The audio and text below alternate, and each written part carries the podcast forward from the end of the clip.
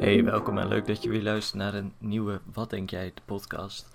Ik heb veel leuke reacties gehad op de vorige aflevering, dus vanaf nu zal ik iedere zondag een nieuwe podcast uploaden, waarin ik ook jullie vragen en onderwerpen zal gaan behandelen.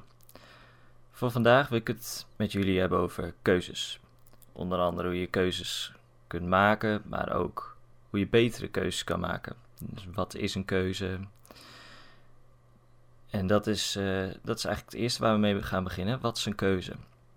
Uh, ik zal eerst de filosofie achter keuzes wat meer uitleggen. Want wat is nou eigenlijk een keuze en hoe maken we eigen keuzes? En om dat goed te begrijpen, denk ik dat ik ook even moet ingaan op hoe ons brein een keuze maakt. Je maakt het eigenlijk de hele dag door. Je maakt heel veel keuzes elke dag. Uh, de meeste gaan onbewust, anders zou je helemaal gek worden namelijk. Maar je maakt uh, bijvoorbeeld de keuze om uit bed te gaan of om te blijven liggen.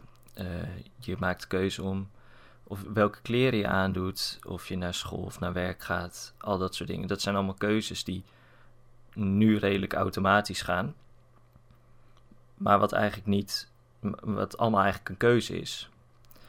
En om het simpel te houden, uh, heb je zeg maar systeem 1 en systeem 2 in je brein. Systeem 1 maakt alle automatische keuzes en is dus ook vaak gelinkt aan je gewoontes. En systeem 2 neemt al het moeilijkere denkwerk op zich. Dus alles wat je niet direct kan bedenken, dat neemt systeem 2 over. Dus eigenlijk kan je dan redelijk stellen, en dat is ook hoe ik ernaar kijk, dat alles een keuze is. Um, als je er op die manier naar kijkt, uh, kun je dus heel erg objectief gaan kijken naar alle keuzes die je maakt. En train je jezelf om heel objectief te kijken naar zo'n keuze. Omdat alles wat je wel of niet doet, dus een keuze is. Uh, waar ik altijd veel op let, is het willen en moeten. Als je namelijk zegt dat je iets wil, is het positief. Iets moeten is negatief en voelt vaak als een soort van, ja, ja, moeten eigenlijk, als een dwang. Dat woord zocht ik, als een dwang. En dat willen we meestal niet. En dan komt het willen er weer aan. Dus je snapt waarschijnlijk wel waar ik naartoe ga. We moeten meer naar willen dan naar moeten. Alles wat, waarvan je zegt dit moet, is vaak gekoppeld aan iets negatiefs. Dus vaak is de reden veel dieper dan je denkt tussen iets willen en moeten. Want vaak begint iets met iets willen. En als je er geen zin in hebt, dan moet het ineens. Terwijl dat eigenlijk best wel gek is. Want waarom?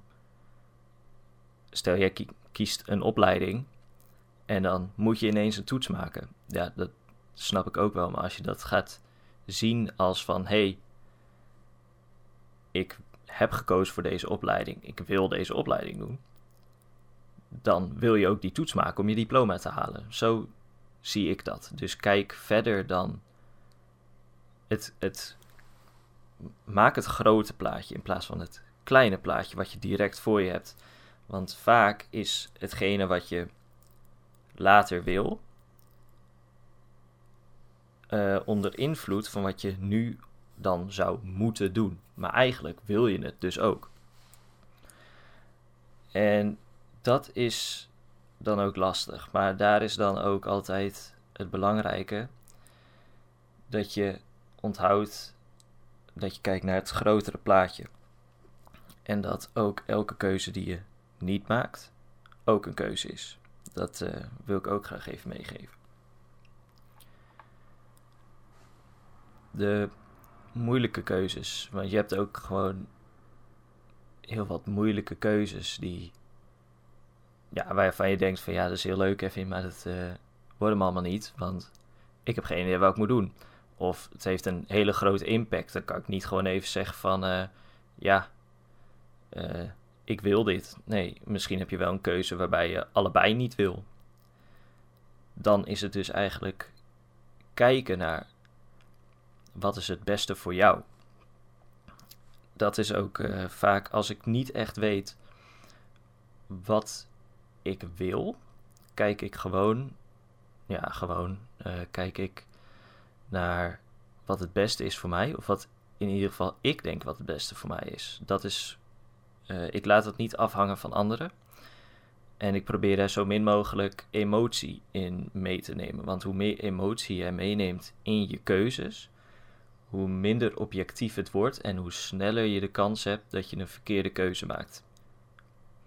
En dat is dus een beetje het lastige. Omdat als je zo'n verkeerde keuze maakt, tenminste voor je idee, dan ja, kan je al snel de schuld op iemand anders gaan schuiven. En terwijl je de schuld of op iemand anders of op een situatie afschuift, heb je alleen jezelf ermee. Dus dat, dat heeft geen nut. Dus emoties probeer ik altijd zoveel mogelijk weg te halen. Dat is soms heel lastig, maar het is vaak wel heel erg nodig. Sommige mensen die vinden het fijn om positieve en negatieve uh, kanten van een keuze op te schrijven. Uh, dat kan ook heel erg helpen. Dan krijg je een beetje een overzicht. Maar als je dus veel te veel emoties erin hebt zitten, is het moeilijk om een van de beide kanten te zien, überhaupt. Maar hoe maak je dan betere keuzes? Um, ik zal het eigenlijk een beetje proberen samen te vatten, want anders wordt het wel een heel lang verhaal. Je moet je bewust worden van de keuzes, van alle keuzes die je maakt. En ook alle keuzes die je niet maakt. Want zoals ik al zei, een keuze die je niet maakt is ook een keuze. Probeer het zo objectief mogelijk te bekijken. Vaak in het begin is dat heel lastig en zal je ook redelijk wat tegenstrijd krijgen uit jezelf automatisch.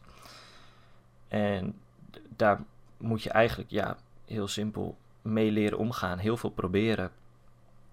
Uh, opschrijven, kijken wat voor jou werkt. Um, maar probeer zo weinig mogelijk jouw of andermans emoties, jouw keuze te laten beïnvloeden. Kijk dan naar welke opties je hebt en waarvan, je, waarvan jij het gelukkigst, gelukkigst wordt. Of waarvan je denkt wat beter voor jou is. Dus dat is vooral voor de moeilijke keuzes van wat is nou eigenlijk beter voor me. Want soms heb je gewoon keuzes waar je wat je niet wil maken, maar weet je wel gewoon dat het beter voor je is. Dus ik hou me dan ook altijd voor om bijvoorbeeld keuzestress uh, tegen te gaan, want dat is ook iets waar je mee te maken hebt, is dat je zo bang bent om een keuze te maken dat je hem constant verschuift. Misschien ken je dat wel, dat je uh, een moeilijk gesprek met iemand moet voeren of vaak zulke soort dingen. Dat schuif je dan weg, dat probeer je te negeren. Uh, maar zijn het geen grote belangrijke keuzes die invloed hebben op mijn uh, toekomst voor een jaar of vijf jaar? Dan denk ik er eigenlijk niet echt langer dan vijf minuten over na, tenzij ik een beetje research moet doen. Maar over het algemeen is het gewoon vijf minuten, maximaal. Um, en anders stel ik een deadline dat ik bijvoorbeeld zeg van nou, morgenavond maak ik de keuze. En dan stel ik een deadline en dan heb ik voor mezelf de keuze gemaakt. Dat is voor jezelf, wat je zelf fijner vindt. Uh, dus met eigenlijk alles zo wat ik vertel, kijk wat je zelf fijn vindt en probeer zoveel mogelijk mee te nemen, zou ik zeggen. Probeer het in ieder geval. Maar maak het jezelf in het begin niet te moeilijk. Ik ben soms redelijk drastisch in veel dingen en ook redelijk hard misschien. Maar dat, ja, dat is mijn manier en uh, dat kan voor jou ook werken. Maar misschien ook niet. En dat, uh, is iets waar je even achter moet komen. En dat zie je alleen door te proberen.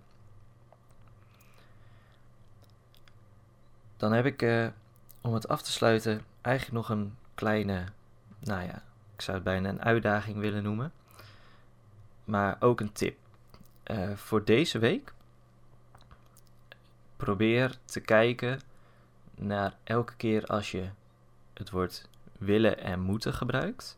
En vooral gericht op het moeten, want eigenlijk zou je het woord moeten helemaal uit je vocabulaire willen hebben. En puur omdat alles wat jij moet is negatief en voelt als dwang. Dus probeer jouw moeten is te veranderen naar willen. En dat is heel gek om soms te doen, want als je bijvoorbeeld een, moet leren voor een examen bijvoorbeeld, je moet dat examen maken, maar je wilt je diploma halen. Dus dan zet je jouw korte termijn even aan de kant en dan zeg je van oké, maar op de lange termijn wil ik mijn diploma halen, dus ik wil dit examen ook goed maken.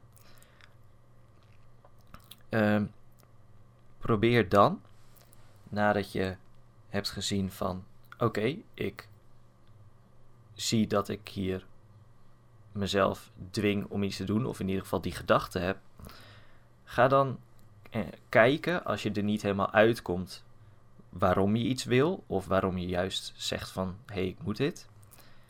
Probeer dan vijf keer waarom te vragen. Dus ga vijf stappen dieper.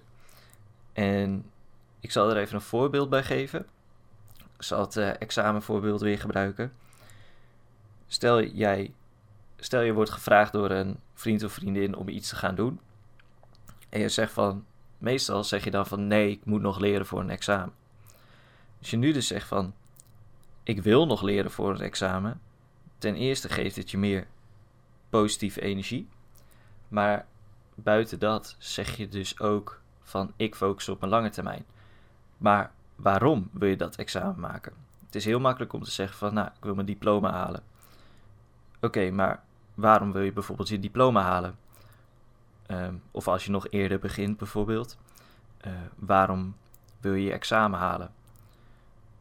Uh, ik wil een goed cijfer, weet je. Uh, ik wil deze periode halen. Waarom wil je deze periode halen? Ehm, om, nou, mijn diploma te halen. Waarom wil je je diploma halen? Om een goede baan te hebben, zodat ik weer een keuze heb, of voor HBO of iets dergelijks zodat je weer verder kan. En zo kan je dus steeds dieper erachter komen wat het is wat je wilt in bepaalde situaties. Want vaak zien we alleen even het korte termijn moeten, terwijl je een hele grote lange termijn willen hebt. En dat is veel mooier om dat te beseffen en je daar ook op in te kunnen stellen dan zal je gaan merken dat je veel meer wil gaan doen en veel positiever bent. En ook gewoon veel meer ga, zal gaan behalen. Je zal meer successen boeken. Want hoe meer positiviteit je in je leven hebt, hoe meer positiviteit je aantrekt. En daar hoort succes ook bij. Dus ik zou jullie willen vragen om dat eens te proberen voor een week. Ben benieuwd of het uh, iets is voor jullie. En dan wil ik jullie voor nu heel erg bedanken voor het luisteren. En dan uh, tot volgende week bij weer een nieuwe podcast.